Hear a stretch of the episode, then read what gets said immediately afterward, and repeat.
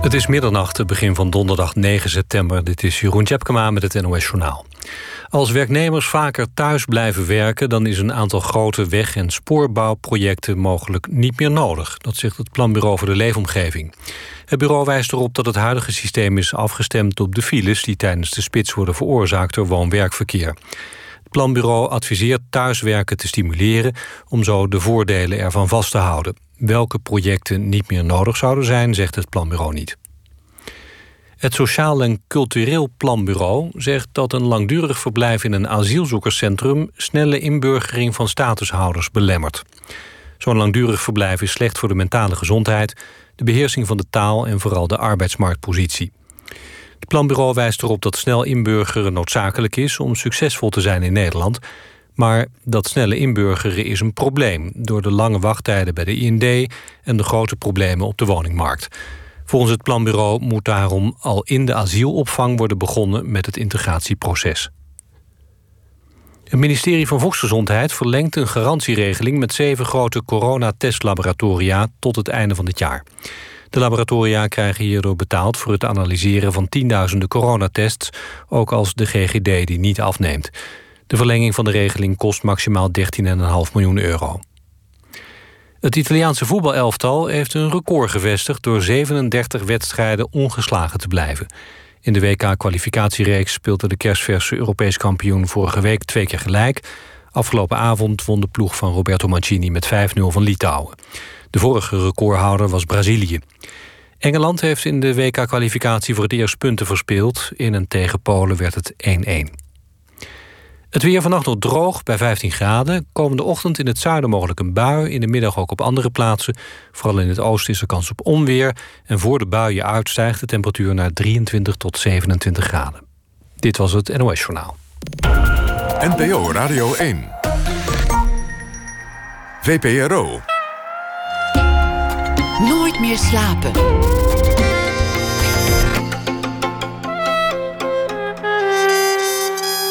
Met Pieter van der Wielen. Goedenacht en welkom bij Nooit meer slapen. Waarom zou je verslaggever in oorlogsgebied willen worden? Ja, natuurlijk. Het is belangrijk dat er journalisten zijn die de wereld vertellen wat er allemaal gebeurt. Dat we niet massaal de andere kant op kijken. Allemaal gewichtige redenen om iemand daarheen te sturen. Maar is het ook reden om zelf daarheen te gaan? Anna van Es, die tegenover mij zit, die geeft bijna verontschuldigend een heel ander motief. Het is ook gewoon heel leuk. Het is interessant, het is leerzaam en het is spannend. Dat spannende, dat vermoedde ik al een beetje. Maar hier kreeg het woord ineens een positieve lading. Anna van Es kan het weten. Zij was tien jaar lang Midden-Oosten verslaggever voor de Volkskrant. Ze beleefde rampen, oorlogen, keek het gevaar recht in de ogen, verloor zelfs collega's. Versloeg plekken die al die tijd onderaan de toeristische verlanglijstjes stonden: Jemen, Irak, Syrië, Libië. En nu gaat ze andere dingen doen. Eerst een boek schrijven. Anne van Es werd geboren in 1985. Welkom. Leuk dat je hier bent. Goedenavond. Wat, wat, wat was het moment om, om, om te stoppen? Hoe, hoe werkt dat? Nou, um, ik zat er vijf jaar. Jij zei net tien jaar, maar ik heb het vijf jaar vijf gedaan. Jaar. En ik ben in vaste dienst bij de krant. En dat betekent dat je na vijf, uh, on, ja, ongeveer vijf jaar moet je roleren. Uh, moet je terug naar Nederland. Uh, dus mijn termijn zat erop. Ik heb er vijf en een half jaar gezeten. En nu dacht je, ik ga gewoon eerst even niks doen. Nou, toen, niks doen? Een boek schrijven, maar niet, niet ergens naartoe, niet uitgezonden worden. En toen, toen zat je eenmaal hier gezetteld en binnen no time vloog je alweer naar Irak, want daar ben je net weer geweest. Ja, klopt. Um, nou ja, ik ben dus bezig met een boek. En dat speelt zich af in het Midden-Oosten, uh, met name in uh, Syrië en Irak. En voor dat boek um, moet ik naar Irak, moest ik naar Irak. En um, ik had het plan om dat wat later dit najaar te doen. Ik dacht, dan ben ik in Nederland weer een beetje gezetteld. Uh, en dan is het daar wat minder warm. Um, maar er zijn een aantal dingen in Irak waar ik het een beetje van op mijn heupen kreeg. Uh, er dreigen dingen te veranderen in de visumsituatie. Er is gedoe met COVID. Uh, en er komen verkiezingen aan. En ik kreeg een beetje buikpijn, want ik denk, ja, ik kan die reis wel uitstellen. Maar ik kreeg gewoon niet zulke goede signalen. En ik denk van straks kom ik Irak niet meer in. En dat vind ik niet heel handig met het oog op dat boek. Dus ik ga gewoon nu. Dus ik kom nu net terug van tien dagen Irak. Waar ben je allemaal geweest? Ik ben in Bagdad en Mosul geweest. Ehm, het boek, uh, ik, ik ga daar nu niet heel veel over vertellen, want het moet nog helemaal geschreven worden. Maar uh, dus er loopt een spoorlijn van Berlijn naar Bagdad. En die spoorlijn komt ook voor in dat boek. En uh, over een stukje van die spoorlijn, uh, door eigenlijk het voormalige kalifaat, uh, proberen de Irakezen weer een trein te laten rijden. En nou, dat heb ik gezien. Ben ook meegeweest op die trein. Daar heb je ook over geschreven, over die trein, dat, dat de regel nummer één is onder machinisten: nooit stoppen, wat er ook gebeurt. Je trekt niet aan die rem, want dan komt het nooit meer op gang. Dat is dat het feitelijk einde van deze spoorlijn. Klopt, ik heb uh, in 2016, dat was een van mijn eerste reportages als Midden-Oosten-correspondent, heb ik uh, ook een trein in Irak genomen, van Bagdad naar Basra. Uh, en ja, de, treinen in Irak zijn geweldig. het is dus, je, je, hebt een gloednieuwe Chinese hogesnelheidstrein die meer dan 200 km per uur kan. En je hebt een spoor van soms meer dan een eeuw oud. En dat spoor is in verschrikkelijke staat. En die trein die kan in de praktijk dus niet harder dan 15 km per uur.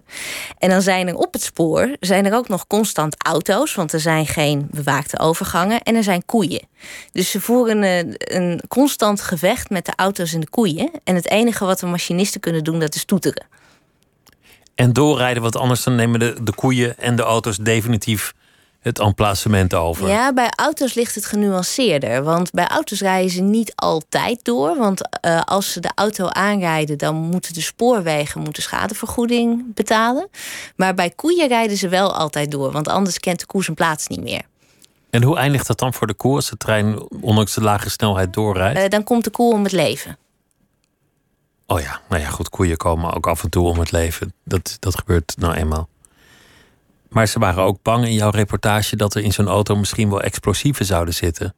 Ja, toen ik die trein uh, nam in 2016, Pieter, toen was er. Dat gebeurde op een dag dat er in Bagdad heel veel aanslagen waren. Uh, ik geloof op de dag dat wij vertrokken, waren er op het moment dat die trein ging rijden, dat was zeven uur s avonds, waren er al meer dan uh, 70 mensen omgekomen bij verschillende IS-bommen. Uh, in Bagdad. En iedereen stond dus überhaupt een beetje op scherp. En toen stond er een auto die, die was heel dicht bij die trein. En die ja, stond langs het spoor. En niemand wist wat er in die auto zat. En er zijn ook heel vaak aanslagen gepleegd op de trein. Dus daar werden die machinisten best wel even nerveus van. En ik ook, want ik zat in de machinistencabine. Wat doen ze dan? Want, want je mag niet remmen, je ziet die auto staan. Je vraagt je af, zijn dit terroristen? Wordt dit een aanslag? Dus het is niet gek veel wat je kan doen, behalve wat jij zei, toeteren. Maar waarom ja, zou dat wat helpen? ze toen deden was toeteren en langzaam doorrijden. En hopen dat het goed afloopt. Stalen zenuwen dus eigenlijk. Die treinmachinisten hebben dat, ja. En jij? Nou, ik wat minder. Maar ik vond het wel goed voor het verhaal. Wat doe jij dan in zo'n geval als je, het, als je het gevaar nabij voelt komen? Heb je rituelen? Heb je een talisman bij je? Een, een object dat jou geluk brengt, dat je altijd hebt? Ben je eigenlijk bij gelovig? Hoe, hoe ga je om met doodsdreiging? Ja, doodsdreiging. Uh...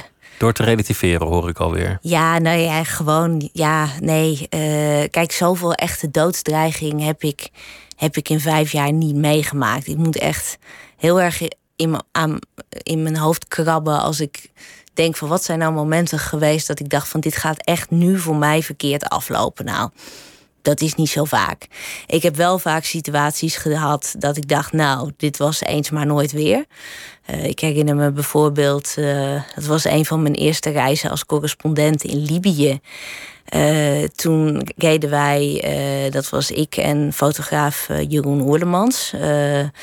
Die leeft inmiddels helaas niet meer. Um, die, die is daar om het leven gekomen? Die is bij een latere reis naar Libië is hij doodgeschoten. Um, en wij zouden een dagje mee met een uh, apotheker... die medicijnen bezorgde aan het front in Sirte. En ik dacht...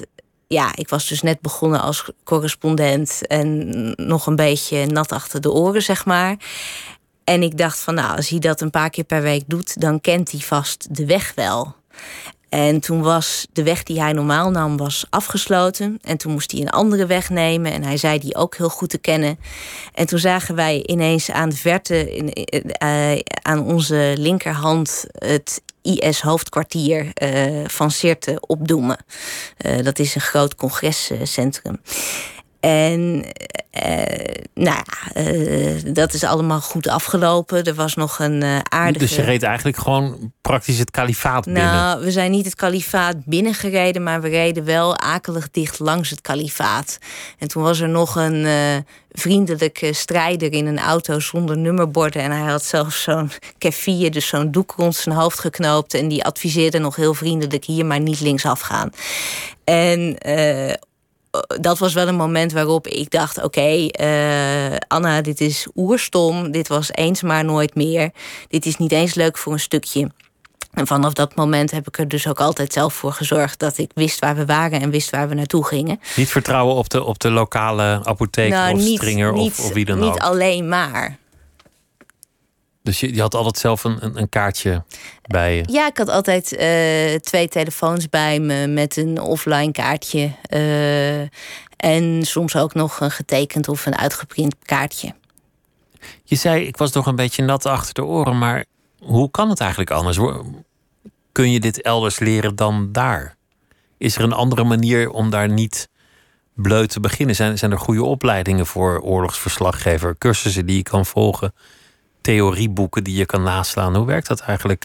Nou, je leert dit vak natuurlijk in de praktijk. Uh, journalistiek is überhaupt een uh, vak dat je leert in de praktijk. Er zijn wel veiligheidstrainingen. Uh, die had ik ook gedaan voordat ik begon. Dat was een vereiste van de krant. Maar ja, heel veel dingen kom je natuurlijk in de praktijk tegen. En dit dus ook. Dus ik denk dat je dat niet helemaal kan vermijden. Je zegt, ik ben eigenlijk helemaal niet zo vaak in, in gevaarlijke situaties geweest. Toch noem je een collega die niet meer leeft. Je, je schreef je stuk dat een aantal locals met wie je gewerkt hebt ook inmiddels niet meer leven of waarschijnlijk niet meer leven. Nou, ik heb uh, ik, ik, uh, in mijn afscheidsverhaal uh, schrijf ik over mijn fixers. Dus dat zijn ja, de mensen die voor mij vertalen, maar die ook afspraken regelen, die met je meedenken over veiligheid en die psychische steun verlenen. Ik ben bijvoorbeeld een keer mijn portemonnee verloren in Syrië. Nou, dan is het aan de fixer om de portemonnee weer terug te vinden en de correspondent uh, rustig te houden. Dus uh, je begint helemaal niks uh, zonder fixer.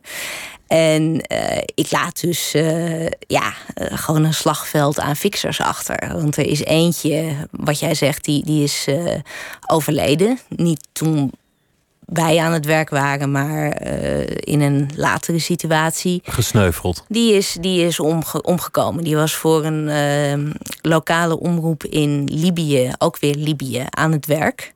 En die is toen om het leven gekomen in een oorlogssituatie. Uh, getroffen door een uh, RPG, meen ik. En um, uh, er is een fixer. Wat is een RPG ook alweer? Ja, dat is zeg maar zo'n klein raketachtig ding. Oh ja. Een rocket propeller grenade. Iets wat je niet, niet wil treffen, duidelijk. En wil je niet op je hoofd hebben. Dus, dus al met al was het wel gevaarlijk. Het is eigenlijk en, ook wel grappig wat je zegt over fixers die zoveel risico lopen, die zo cruciaal zijn voor de correspondenten. Het zijn niet de mensen die de prijzen krijgen. Klopt. Die, die later een, een mooi boekcontract krijgen of wat dan nee, ook. Uh, de fixers zijn de mensen die wij niet eens noemen vaak. Waar we het gewoon nooit over hebben. En die wel het vuile werk doen. En de basis voor veel verhalen vormen Absoluut. uiteindelijk. Hoe, hoe was het voor jou als, als vrouw? Maakt dat, maakt dat eigenlijk heel veel uit in praktijk. Want dit zijn nog niet echt landen waar je bent geweest die bekend staan om hun uh, vooruitstrevende houding ten aanzien van het vrouwelijk geslacht. Pieter, wat een heerlijke vraag. Die heb je vast wel eerder gekregen. Hoe vaak denk je dat mijn mannelijke collega's de vraag krijgen: hoe was het voor jou als man? Ik denk dat ze die vraag niet heel vaak krijgen. Nee, dat denk ik ook niet. Maar ik denk dat er wel een verschil is in de houding jegens mannen of vrouwen in veel van die gebieden waar je hebt gereisd? Uh, dat is er zeker. Ik weet niet per se of je als vrouw uh, in een werksituatie meer gevaar loopt. Ik bedoel, natuurlijk is het voor een vrouw anders. Uh, man zijn in conflictgebieden in de Arabische wereld is soms ook behoorlijk kut hoor. daarom benoem ik het maar even. Ik denk dat die gevaren heel verschillend zijn. Je hebt als vrouw gewoon veel meer, veel sneller te maken met de dreiging van seksueel geweld. Uh, geweld jegens vrouwen dat verseksualiseert ook wat eerder. Mannen hebben meer te maken met überhaupt geweld, met problemen met toegang krijgen. Uh, wat voor mij als vrouw dan wel weer makkelijk was. Dus het biedt ook voordelen, het wil je biedt zeggen? zeker voordelen. Het biedt grote voordelen. Uh, ik zou daarom niet zo gauw durven zeggen dat het voor een vrouw moeilijker is dan voor een man. Ik denk dat het voor een vrouw uh, heel vaak makkelijker is. Je valt als vrouw minder op. Je kan een uh, hoofddoek omdoen en een uh, abaya. En als je wat onderuitgezakt op de achterbank gaat zitten en niet te veel grijnst naar soldaten bij een checkpoint, dan mag je zo doorrijden. Dat is lekker makkelijk als jij je papieren niet op orde hebt. Had ik nooit. Um, en uh, je wordt ook minder serieus genomen. En dat kan ook wel een voordeel hebben, want je glipt gewoon makkelijker door dingen heen. En uh, ja, nee, het, ik vond het over het algemeen, daar waren wel uitzonderingen op hoor, maar over het algemeen vond ik het uh, heel fijn werken eigenlijk. Ben je, ben je niet in situaties geweest dat ze dachten: goh, vrouwen uit het Westen die, die hebben de reputatie hier om makkelijk te zijn, die hebben toch andere zeden. Dat, dat je eigenlijk een soort prooi werd? Ik heb één keer een situatie meegemaakt. Weet je, ik, ik had dus. Um, uh, ja, bij mijn werk heel erg het gevoel van, nou, dit, uh, dit, dit gaat prima. En uh, ik heb mijn vrouw zijn over het algemeen niet als een, als een probleem gezien. Helemaal niet zelfs. Maar er was één situatie, dat is wel een grappig verhaal. dat was in Jemen. En ehm, ik ging daar een dagje naar het front bij Hodeida. En er waren eigenlijk nog geen westerse journalisten in Hodeida geweest. Of eigenlijk niet, helemaal niet. En het was daardoor best lastig om goede informatie te krijgen over hoe de situatie daar was. Uh, want we hadden dus alleen wat lokale contacten, maar die probeerden het wel wat mooier voor te stellen dan het was. Uh, dus die, die trip was al uh, vrij spannend. Uh, het front bleek toch enkele tientallen kilometers eerder te beginnen dan wij. dan ons verteld was. En bestond uit. Ehm, ja, wij reden over het strand. En aan de ene kant lagen mijnen. En aan de andere kant lagen Houthis. Houthi rebellen, dat was zeg maar de uh, ja, groepering in Jemen waartegen de overheid vecht, uh, die lagen in struiken. Um, dus dat was wel een moment waarop ik dacht: dit is. Uh, Je reed bijna door tussen de lidies door, als het dit, ware. Dit, dit, is, dit is eenmalig. Um, en toen, uh, aan het einde van die leuke dag, toen moesten wij uh, ergens slapen. En we hadden van tevoren, want we, konden niet echt terug naar een grote stad. Dus we hadden van tevoren geregeld dat we konden slapen bij een kazerne in Mokka. Mokka is een uh, voormalig koffiestadje, vandaar de naam. En daar is een kazerne en die had ook een mediacentrum. En ik had mijn fixer laten vragen van, is het oké als hier ook een vrouw slaapt? Want Jemen is een enorm conservatief land. Uh, en behoort ook in de hele Arabische wereld uh, tot het armste land. En wereldwijd tot uh, een van de landen waar vrouwen de minste rechten hebben. Staat nog onder bijvoorbeeld Saoedi-Arabië. dus ik dacht wel, dit is een beetje uitkijken. Iedereen was super vriendelijk en er leek niks aan de hand. Tot het moment dat het donker was. En wij echt niet meer uh, de poort uit konden, want het was gewoon uh, te gevaarlijk. En toen gingen de kaarten wat verschuiven. Want toen bleek het eigenlijk helemaal niet de bedoeling dat ik op die kazerne ging uh, slapen. Ik mocht gaan slapen bij, ja, bij een beheerder van de kazerne, een salafist. Uh, en die had twee vrouwen en zijn vrouwen waren niet thuis. Um, maar uh, ik mocht daar dan in huis slapen. En ineens stond deze man ook met zijn auto op de stoep. En was toch wel de bedoeling dat ik ging instappen. Um, en nou ja, ik had zoiets, uh, weet je, ik ben opgegroeid in Drenthe. Uh, ik had zoiets van, uh, doe even normaal. Dus echt in geen honderd jaar ga ik bij jou in de auto stappen. Maar toen merkte ik toch wel aan de reacties van mijn fixer en van mijn chauffeur... van ja, joh, stap alsjeblieft wel in die auto. Want dan valt er misschien nog iets te regelen. En als je dat niet doet, dan, dan zijn we hier gewoon een beetje klaar. Dat wordt heel gevaarlijk. Dus ik ben uiteindelijk bij hem in de auto gestapt met mijn fixer, een man mee. Uh, mijn fixer zat voorin, ik zat achterin. En dat werd een eh, zeer ongemakkelijke rit door nachtelijk Mokka. Waarbij deze man uh, duidelijk maakte ja, dat hij het eigenlijk wel heel interessant vond. Een vrouw op bezoek. Dat hij vaker vrouwen te gast had. En uit alles sprak de insinuatie dat hij nou ja, toch wel seksuele plannetjes had uiteindelijk, tot mijn verbazing en opluchting, reed hij terug naar de kazerne. Uh, hij merkte blijkbaar ja, wat hem van koers heeft doen veranderen. Ik weet het nog steeds niet, maar hij keerde om. Hij reed terug naar de kazerne. Hij zette ons daar af. En uh, we mochten daar alsnog slapen. Met een kleine uh, opmerking.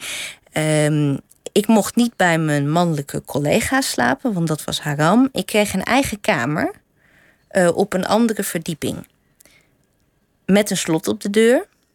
Maar inmiddels wist natuurlijk iedereen in die kazerne dat ik daar alleen sliep. Dus uh, wat later in de nacht hoorde ik de hele tijd dit. Geklop op de deur van uh, ja, strijders die daar ook sliepen. En die dat uh, toch allemaal wel een interessant scenario vonden. En die blijkbaar ook wel met mij uh, in die kamer wilden zijn. En op dat matrasje wilden liggen. En andere prettige dingen wilden doen. Um, dus dat was een situatie waarin. Dan heb jij niet heel lekker geslapen. Ik die heb nacht. niet zo lekker geslapen. En dat is een understatement. En dat was een situatie waarin ik uh, ja wel. Ik, ik, heb daar ook een verhaal over gemaakt voor de, voor de krant. Waarin ik dacht: oké, alle clichés over uh, vrouwen in de Arabische wereld, hè, zoals wij het bij de aan de ja in het aan de borreltafel café, noem het maar gewoon klopt, zo ja wel bespreken. Uh, ik merk het normaal niet zo, uh, maar hier trof het mij wel eventjes. En dat is ben, natuurlijk een uitzonderlijke situatie. Dat heeft zich verder gelukkig ook in andere landen niet voorgedaan.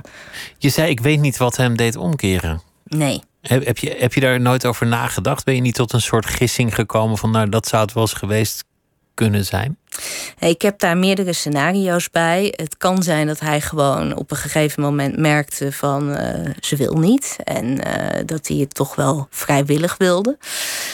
Um, het kan ook zijn dat wij de situatie verkeerd hebben begrepen. Er zijn uh, na dit incident met mij, zijn er in Mokka uh, meerdere mannelijke journalisten zijn ja, opgepakt, CQ ontvoerd. Het is allemaal wat vaag, maar ze zijn in elk geval enkele uren tot dagen vastgehouden en daarna Mokka uitgezet.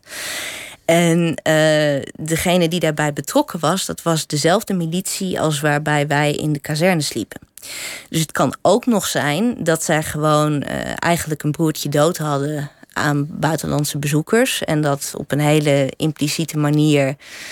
Uh, ja, uh, als het ware een beetje de druk wilden opvoeren om zeker te stellen dat wij de volgende ochtend zouden vertrekken. Dat is ook een mogelijkheid. Ik weet het niet.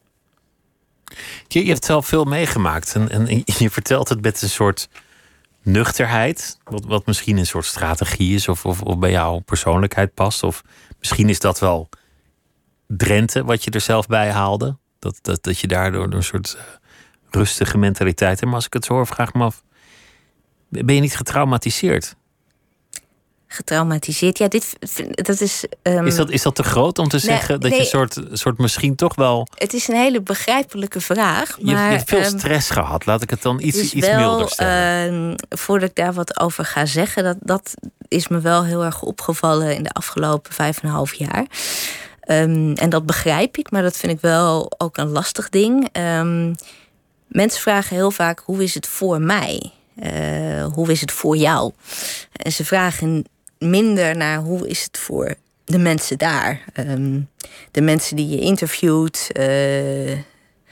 de vrouw in een vluchtelingenkamp in Jemen die niet genoeg geld heeft om iets te kopen in de supermarkt. Terwijl die supermarkt. Terwijl jij komt en jij gaat en jij woont er niet. En... Van AHXL is er wel. Ik kom en ik kies daar zelf voor. En ik schrijf daar een verhaal en ik ga weer weg. En natuurlijk uh, kan je dat ook raken.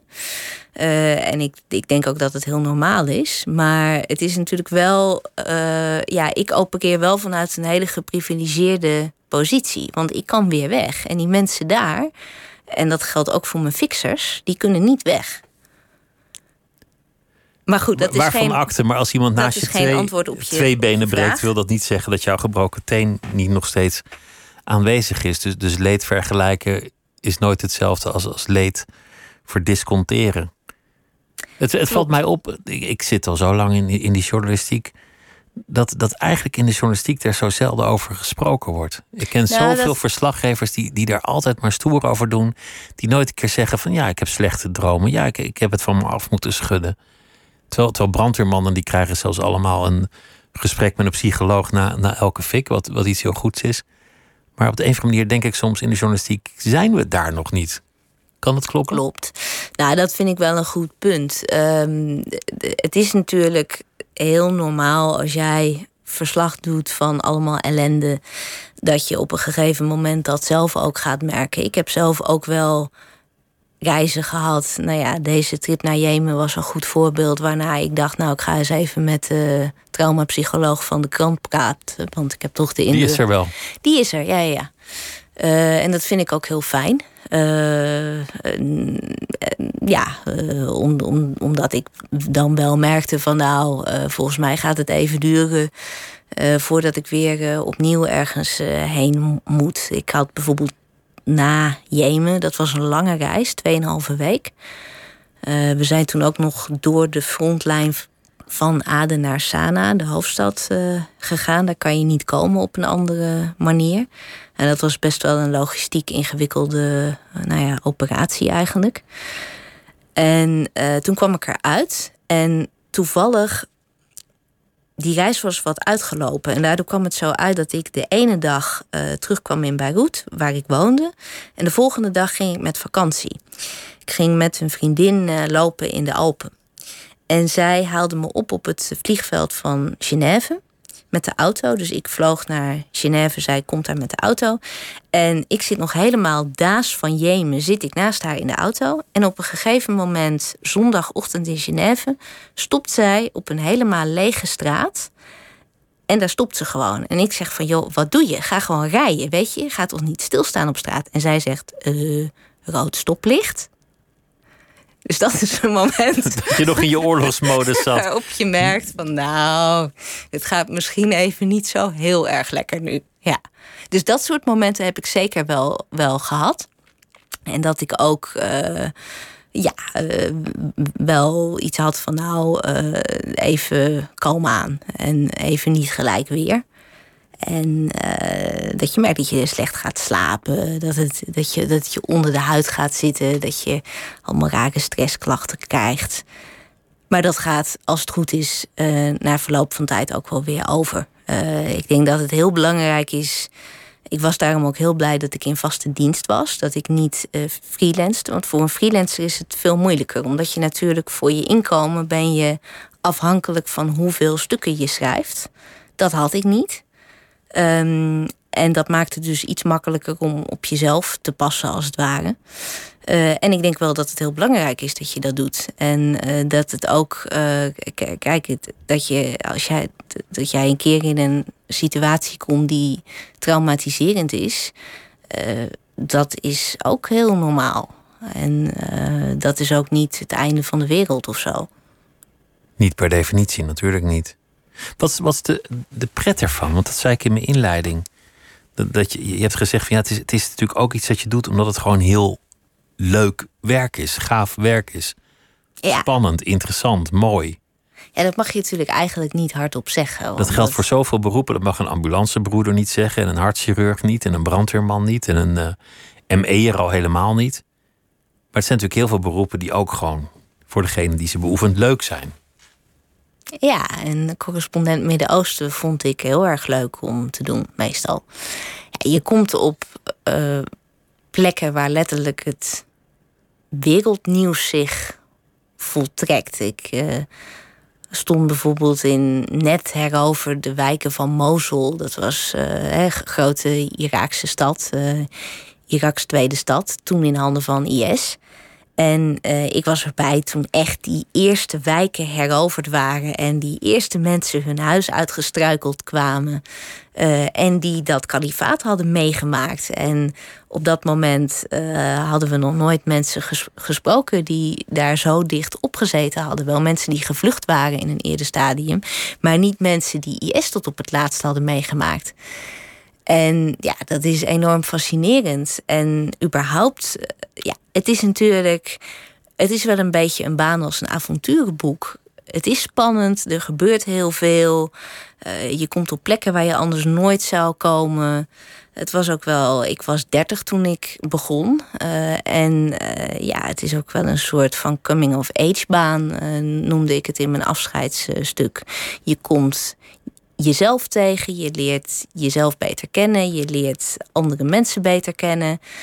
Um, ik gun het iedereen als je de kans krijgt uh, om dat een paar jaar te doen en je durft dat aan, dan, dan is het waanzinnig. Een groot avontuur.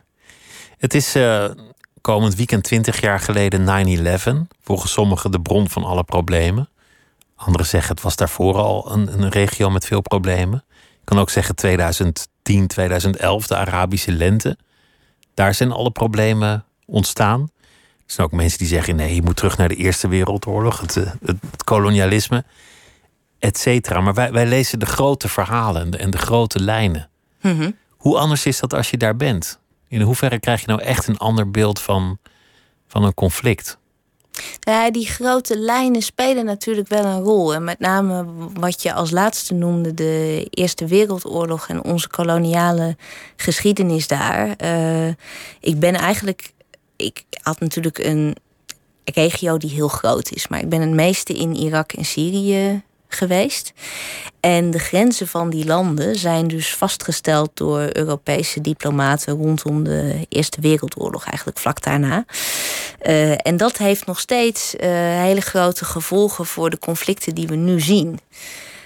Um, een van de eerste dingen die IS deed was bijvoorbeeld het uitwissen van die oude koloniale grenzen. Um, en je ziet natuurlijk ook weer, uh, nou ja, bijvoorbeeld na 9-11 en Afghanistan krijg je de VS die uh, in Irak even orde op zaken ging stellen en Saddam Hussein uh, afzetten. En ja, dat is ook wel een verhaal met niet alleen maar een succeskant. Laten we het netjes om, omschrijven.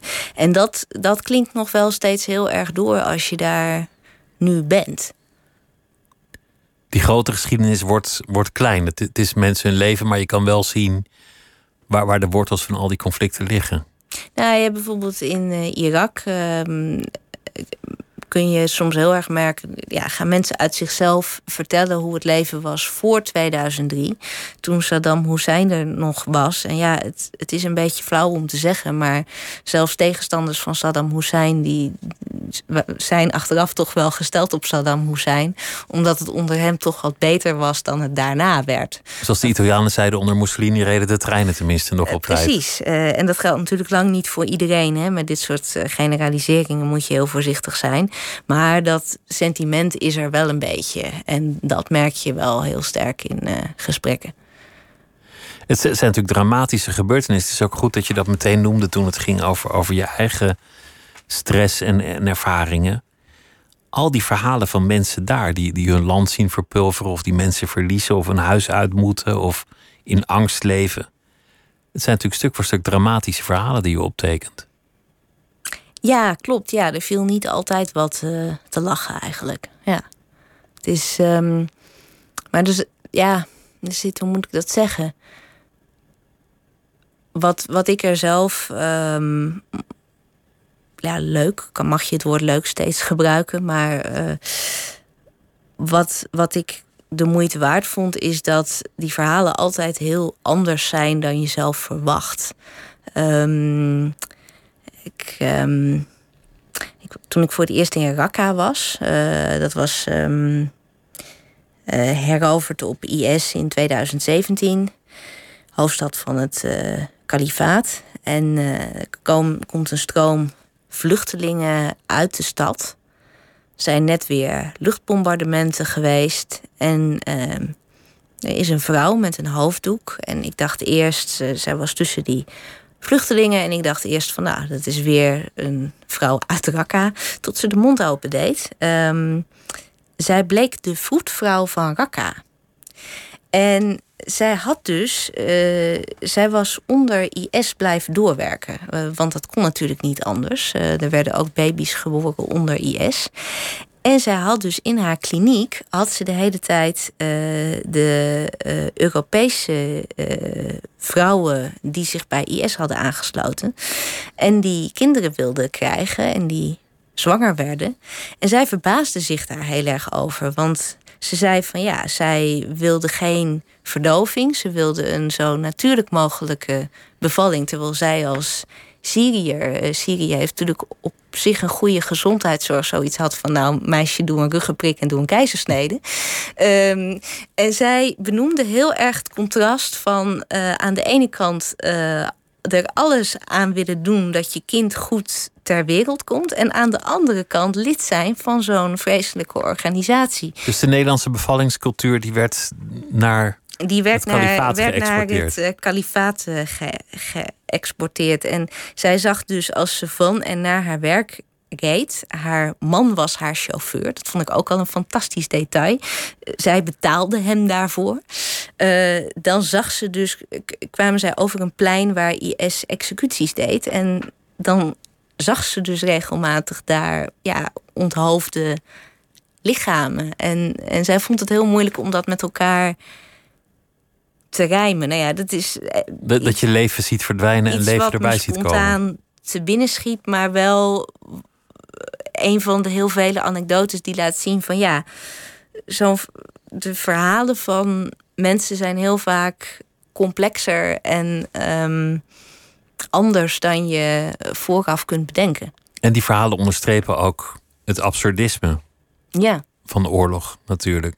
Ik had bijvoorbeeld in Jemen, um, zijn wij dus ook aan de Houthi-kant geweest. Wat best bijzonder is, want het is lastig om daar te komen. Uh, dat gebied is eigenlijk door Saoedi-Arabië, dat dan ook weer op een ingewikkelde manier betrokken is in die oorlog, is dat afgegrendeld. En uh, dus wij komen naar heel veel gedoe, komen wij in Sana, dat in handen is van de Houthis. En um, daar word ik meegetroond naar of all places het ministerie van Toerisme. Ik hoopte toen ik eindelijk in Sana was dat ik, uh, ja, ik wou iets met ziekenhuizen waar kinderen uh, uh, honger hebben, waar ze voor cholera worden behandeld. Dat was daar toen een probleem. En in plaats daarvan, ik had er niks over te zeggen. Er waren gewoon een stel Houthi-ambtenaren.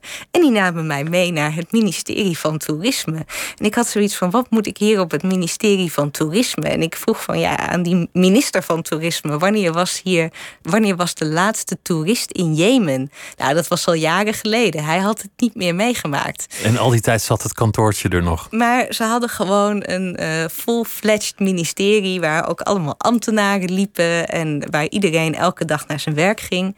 Ja, dat vind ik prachtig. En ik denk, oké, jullie willen hier een propagandashow opvoeren, want dat was het natuurlijk. Maar ik heb dat heel erg gebruikt in het verhaal, uh, wat ik achteraf schreef, om, om ook ja, het absurdisme te laten zien van zo'n rebellengroep die toch uh, koet, koet een regering wil spelen. En het plaatje hoog wil houden en, en de hoop wil bewaren wellicht. Je, je, je was ook nog ja, een van de mensen die getroffen werd door de reusachtige explosie van vorig jaar in, uh, in Libanon. Jouw eigen flat verloor de pui zo'n beetje, als ik het, als ik het goed uh, gelezen heb. Klopt, mijn, mijn appartement keek uit op de haven. Niet op het deel van de haven waar echt de explosie was, maar een stukje ernaast. Um, en um, aan ja, onze voorpuil lag eruit. Die lag deels op mijn auto. En um, ik had toevallig de ramen openstaan. Uh, want mijn airco deed het niet. Uh, en daarom was ik uh, ongedeerd.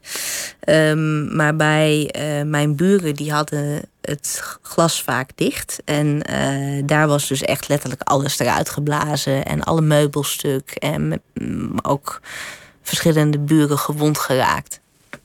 Dus dat die luchtdruk iets kleiner was omdat er een raam open stond, dat, dat heeft, heeft het voor jou milder gemaakt. En toen heb je daarna nog in dat beschadigde appartement gewoon stukken zitten schrijven. Ja, ik ben toen uh, ja, diezelfde avond uh, de straat opgegaan, toch voor een eerste verhaal. Zo moeilijk als dat ook ging. Want het is natuurlijk. Dat, dat vond ik wel. Uh, die explosie vond ik zelf enorm heftig. Ja, dat klinkt misschien super truttig. Maar ik had altijd. Nee, dat klinkt helemaal niet truttig. Uh, dat klinkt echt totaal logisch. Je huis is uh, weggeblazen. Uh, ja, ik denk toch dat het een beetje mijn copingstrategie was, als je dat zo wilt noemen. Van ik ga naar een plek toe en daar schrijf ik een verhaal over en dan ga ik weer naar huis. En thuis is het veilig. En, uh, want ik zag Beirut als een hele veilige stad. Ik heb me daar nooit onveilig gevoeld. En toen was dus in, ineens mijn eigen huis niet meer bewoonbaar. Um, en dan moet je ook nog aan het werk. En um, nou, dat, uh, ja, dat vond ik wel intens. Daar kan ik me alles bij voorstellen. Voor, voor wie net inschakelt, Anna van Est die zit tegenover mij. Ze was uh, vijf en een half jaar verslaggever voor het Midden-Oosten vanuit uh, Beirut onder meer in heel veel gebieden voor de Volkskrant. Je, je, was al heel jong eigenlijk meteen journalist. Want je hebt je eerste boek geschreven op je negentiende. Ja, klopt. Uh, een, een, boek over, over de, de uitwassen van de jeugdzorg, vat ik het ja, kort samen. Ja, dat was samen met een uh, journalist van het Dagblad van het Noorden, Bram Hulzebos. En wij kwamen met elkaar in contact. En uh, ja, dat hebben we toen gedaan ik denk achteraf, uh, waarom zou je als 19-jarige een boek willen schrijven? Maar goed. Maar het ging erover dat mensen, ondanks dat ze, dat ze allerlei hulptrajecten nog niet hadden doorlopen, toch in jeugddetentie kwamen. Waar ze eigenlijk misschien niet thuis hoorden, omdat ze gewoon nog niet behandeld waren voor allerlei stoornissen en problematiek. Ja, het ging er eigenlijk om dat. Uh, ik zit nu wel even te graven, want dit is best lang geleden. Maar um, jeugdgevangenissen werden gebruikt uh, echt bewust uh, ja, als een soort. hulpverleningsinstanties. ook als duidelijk was van er, er is zeg maar geen strafrechtelijke reden om een kind daar op te sluiten, dan gebeurde dat toch. En men had daar een heel pedagogisch verhaal bij dat dat toch allemaal heel erg leuk en aardig was. En um, nou ja, daar, daar ging dat boek over. Stond het dan altijd vast dat je journalist zou worden? Als je nee, al zo, helemaal zo jong... niet. Nee, en op dat moment nog zeker niet. Nee, ik, ben, ik, ik schreef toen al wel. Uh, ik freelancede wat, onder meer voor, voor Scepter. Dat is een uh, tijdschrift dat zich bezighoudt met het onderzoeken van... Uh, pseudo-wetenschappelijke beweringen. En daar schreef ik recensies voor en zo. Dat was mijn eerste bijbaantje eigenlijk. Dus dat deed ik wel. Maar ik had op dat moment niet, eh, eigenlijk helemaal niet iets van... ik ga journalist worden. Ik studeerde rechten. En ik was in heel veel dingen maatschappelijk geïnteresseerd. En ik schreef ook graag. Maar mezelf als journalist zien, dat kwam pas later. Wanneer kwam dat? Uh, ik ging bij de universiteitskrant werken in Groningen. En toen merkte ik van, uh, dat, dit vind ik heel erg leuk. De, ja, dat, dat klinkt wat suf, de universiteitskant. Maar dat was toen, dat is nu anders. Maar was dat echt een onafhankelijk weekblad. En wij deden ook echt hele serieuze dingen. En uh, nieuws en onderzoek. En uh, dat had ook wel soms gevolgen.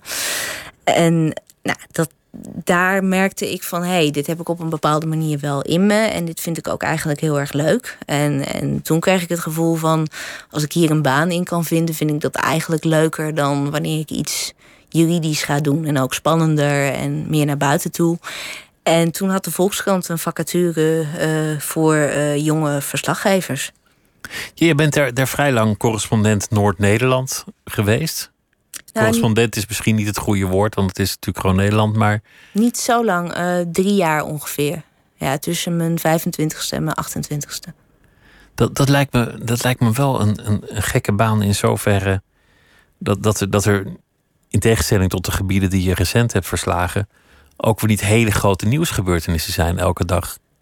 Nou, er was toen wel groot nieuws, want dat was net het begin van de, uh, de aardbevingen. aardbevingen en de gaswinning. Maar het is waar uh, dat je eigenlijk, ja, dat mag je ook niet verder vertellen. Dus dat houden we gewoon onder ons. Iedereen slaapt hoor, dus dat kan inmiddels. Um, als je Midden-Oosten-correspondent bent, dan krijg je het verhaal vaak wel een beetje cadeau. Want op het moment, kijk, het is moeilijk om ergens te komen. Maar op het moment dat je daar bent, dat verhaal, dat vertelt zichzelf wel. En als jij uh, verslaggever in Noord-Nederland bent, of uh, überhaupt op een andere plek, uh, ja, dan moet je er harder voor werken. Want niet iedereen is daarin geïnteresseerd. Ten onrechte, overigens, dat niet iedereen geïnteresseerd is. Want, want er is genoeg reden om er wel in geïnteresseerd te zijn. En jij hebt op een zeker ogenblik de, keiharde conclusie gewoon opgeschreven. Namelijk, de politiek heeft het eigenlijk een beetje opgegeven. Ze hebben het noorden gewoon eigenlijk een beetje laten vallen.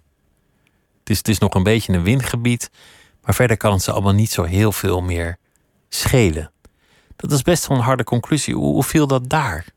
Bij, bij de de mensen die ineens lazen in de krant van... goh, ja, misschien heb je wel gelijk, ze hebben ons laten vallen.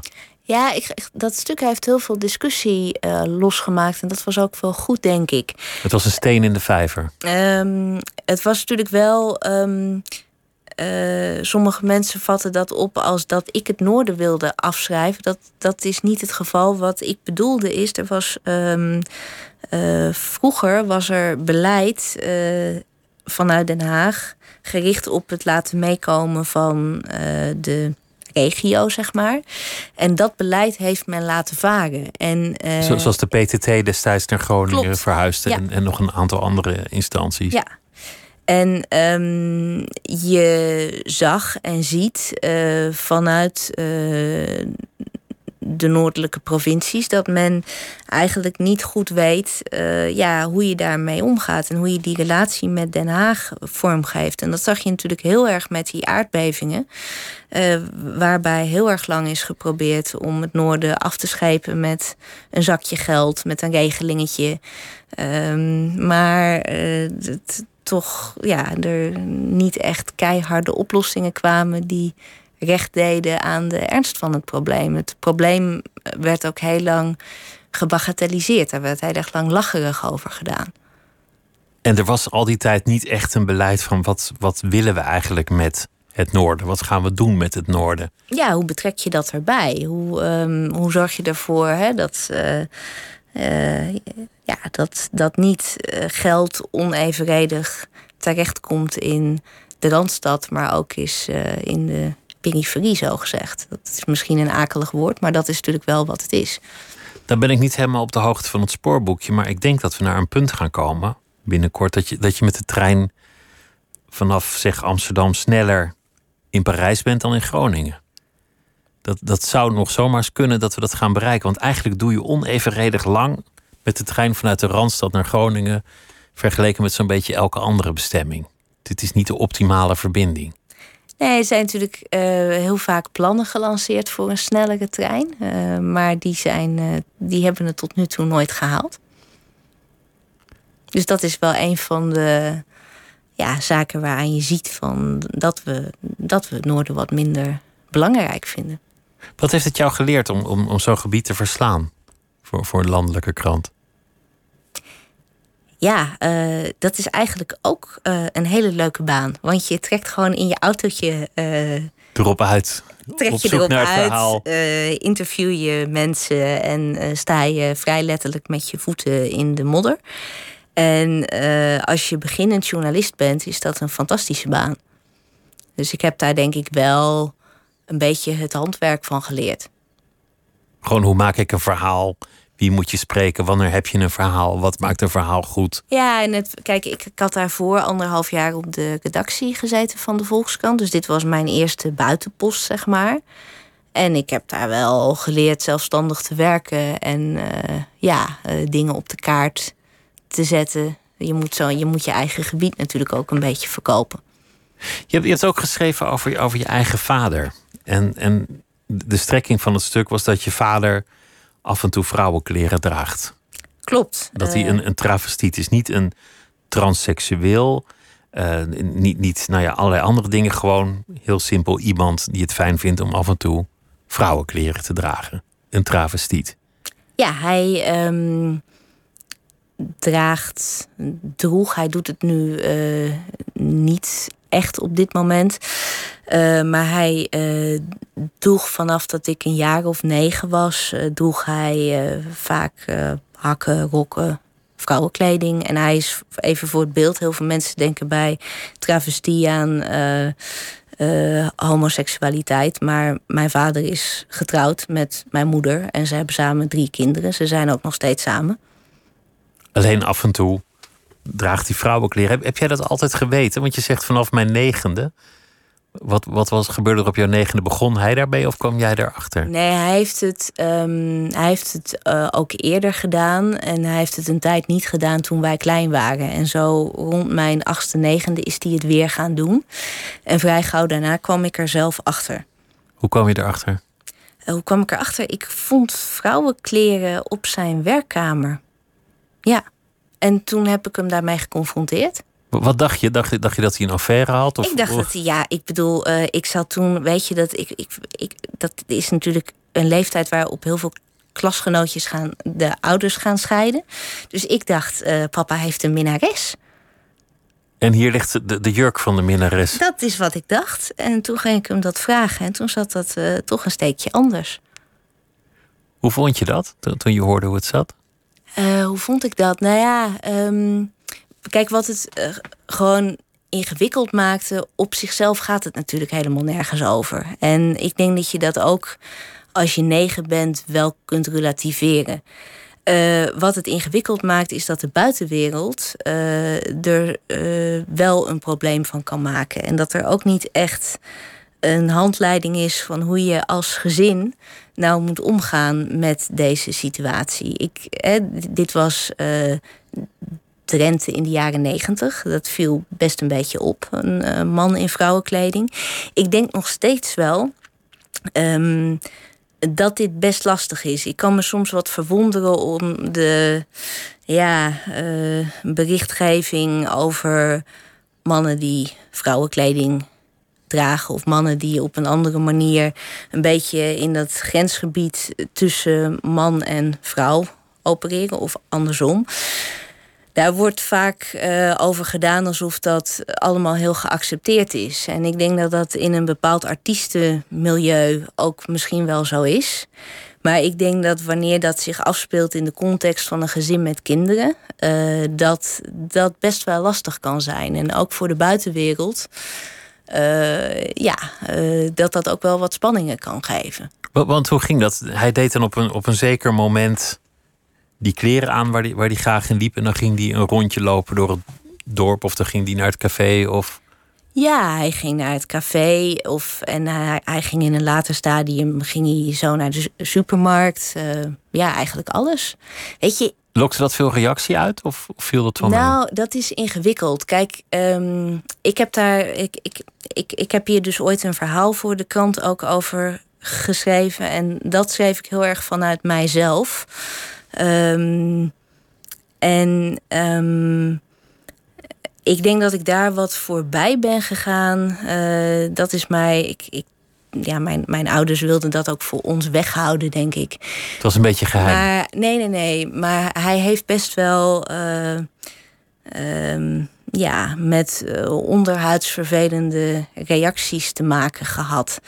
Um, ik heb dat niet zo in ons gezicht gemerkt hoor. Maar er zijn, er, er zijn later dingen gebeurd, uh, ook de afgelopen jaren. Uh, nou, dat is meer zijn verhaal dan mijn verhaal. Maar um, waardoor ons ineens als familie duidelijk werd van... hé, hey, hier was toch uh, wel heel veel gaande. En dat heeft te maken met mijn vaders travestie. En daaraan merk je van dat is maatschappelijk gewoon niet zo geaccepteerd... als dat men het graag doet voorkomen. Als dat wij eigenlijk allemaal zouden hopen dat het is. Terwijl je vader heel terecht zei van goh, een, een vrouw in, in wat heet mannenkleren, dat is volkomen normaal. Daar kijkt niemand van op. Klopt, dat is natuurlijk Om ook, maar de willekeur even aan te het, geven. Ook het hele gekke, hè? Dat is iets. nou ja, we, we hadden het ook eerder over hoe is het voor jou als vrouw versus hoe is het voor een man. Dat is natuurlijk heel raar. Ik zit hier in een eh, spijkerbroek en eh, dat is toch, eh, ja. Traditioneel zou je kunnen zeggen dat zijn mannenkleren. En als een man een rok aantrekt, valt dat toch nog steeds eh, een beetje buiten de norm. Wat was voor jou de reden om dat stuk op te schrijven? Omdat het in, in tegenstelling tot veel andere stukken die je schrijft over, over je eigen leven ging, over je eigen familie. En dan ook een, een onderwerp waar niet iedereen even makkelijk mee omgaat. Nou, heb je daarover ehm, getopt? Van moet ik dat eigenlijk wel opschrijven? Voor mijzelf kwam het denk ik heel erg aan het einde van een soort proces. Eh, ik, ehm, ik was toen, toen ik het schreef, 25 of zo. En eh, ik was daar zelf ehm, meer over naar buiten aan het gaan. En ik denk dat dit hiervan een soort sluitstuk was. Er zat voor mij ook wel, ja, dat klinkt misschien wat zwaar, maar er zat wel een soort van maatschappelijk belang in om het op te sch- schrijven. Eh, travesties, zoals mijn vader dat doet, eh, komt heel veel voor. Ehm, uit mijn hoofd eh, is dat iets van 1 op de 30 mannen. En ehm, meestal doen die het wat meer in het verborgene. Het is bijzonder dat mijn vader het relatief openlijk doet, maar het komt heel veel voor. Ben na die publicatie ook eh, benaderd door een eh, tv-persoonlijkheid, een arts eh, en een aantal andere mensen die het dus ook allemaal doen. En die hopen dat de omgeving dat niet weet. Ehm, dus ik vond het wel goed om dat te laten zien. Om, om dat, dat taboe er misschien een beetje af te halen. Als, als ik het zo hoor, dan klinkt het ook wel als een, als een moedige man. Om, omdat hij gewoon toegeeft aan, aan een verlangen dat hij heeft. En ook een ondogmatische man. En klinkt het ook wel een beetje alsof ze dat aan jou hebben meegegeven. Dit, dit is natuurlijk gissen wat ik nu doe, maar zo komt het nu op mij over. Dat, je, dat, dat ze jou toch ook wel een soort vrije geest hebben geprobeerd mee te geven. Mijn ouders bedoel je? Ja. Ja, dat denk ik zeker wel. Ja, ja wij, wij slaan ook thuis niet heel erg gauw van verbazing ergens van achterover. Nee, dat, dat heb ik wel ja, van huis uit meegekregen. Wat weer een mooi wapen is voor een journalist. Om een open blik te hebben waar je ook naartoe gaat. Ja. ja, deze baan was natuurlijk voor mijn familie eh, wel lastig. Hè? Eh, het is als je. eh, Dus er is geen ouder die als heel je blij ouders is. bent, is het niet leuk als je dochter Midden-Oosten correspondent wordt. Het is wel een leuke baan, maar het is geen leuke baan voor de omgeving. Dus ik geloof niet dat dat voor hen zo makkelijk was. Zij vinden het ook heel fijn dat ik nu weer in Nederland ben. Ehm, En hoe vind je dat zelf eigenlijk, dat je nu weer in Nederland bent? Moet je wennen aan de, de rustige gezapigheid van, van het bestaan? Ja, ehm, kijk, ik, ik zat dus nu echt tot eh, eh, een paar dagen geleden in Irak. En eh, dus het is nu even heel erg raar. Ehm, eh, ja, weet je, ik ben vijf en een half jaar correspondent geweest, dus ik mag niet klagen, zeg maar. Je weet dat er een einde aan komt en dat je terug moet. En nu ga je eerst een boek schrijven en, en daarna zie je wel weer wat er eh, op je pad Klopt. komt. Eh, ik eh, blijf bij de krant in dienst. Ik weet nu nog niet welke functie ik daar ga vervullen. En ik ben nu dus bezig eh, met mijn boek. En dat wordt een boek over het Midden-Oosten dat je wel begrijpt. Eh, eh, geen stoffig analyseboek, maar een leuk leesboek. Eh, waarin ik ja, persoonlijke verhalen hoop te verweven met wat meer achtergrond over hoe dingen zo gelopen zijn. Je zei het, het was een fantastische baan als een soort coming-of-age baan. Eigenlijk een soort plek om, om een zekere jeugdigheid van je af te schudden in, in bepaalde opzichten. Hoe ben je anders nu, na die vijf en een half jaar? Wat, wat heeft het aan jou veranderd? En ja, dat is een goede vraag eh, die ik heel moeilijk te beantwoorden vind. Eh, natuurlijk heeft het mij veranderd. Dat kan niet anders. Want ik bedoel, je maakt wel heel veel mee. En het tijd zou- verandert je sowieso. Het zou heel gek zijn als je als dezelfde persoon weer terugkeerde. Ehm, maar ik weet niet precies hoe het mij veranderd heeft. Sommige mensen zeggen dat ik vijf jaar geleden wat, eh, uh, joliger was, wat spontaner was. Andere mensen zeggen juist weer nee, helemaal niet. Uh, dus dat weet ik niet. Uh, maar dat gaan we de komende maanden misschien wel merken als ik weer hier gezetteld ben in Nederland. Dankjewel dat je langs wilde komen en wilde vertellen over de periode die achter je ligt. En ik wens je heel veel succes met schrijven en met alles dat op je pad komt. Anna van Es, dankjewel. Dit was Nooit meer slapen. Morgen komt Herman Koch op bezoek. Goeienacht. Op Radio 1, het nieuws van alle kanten.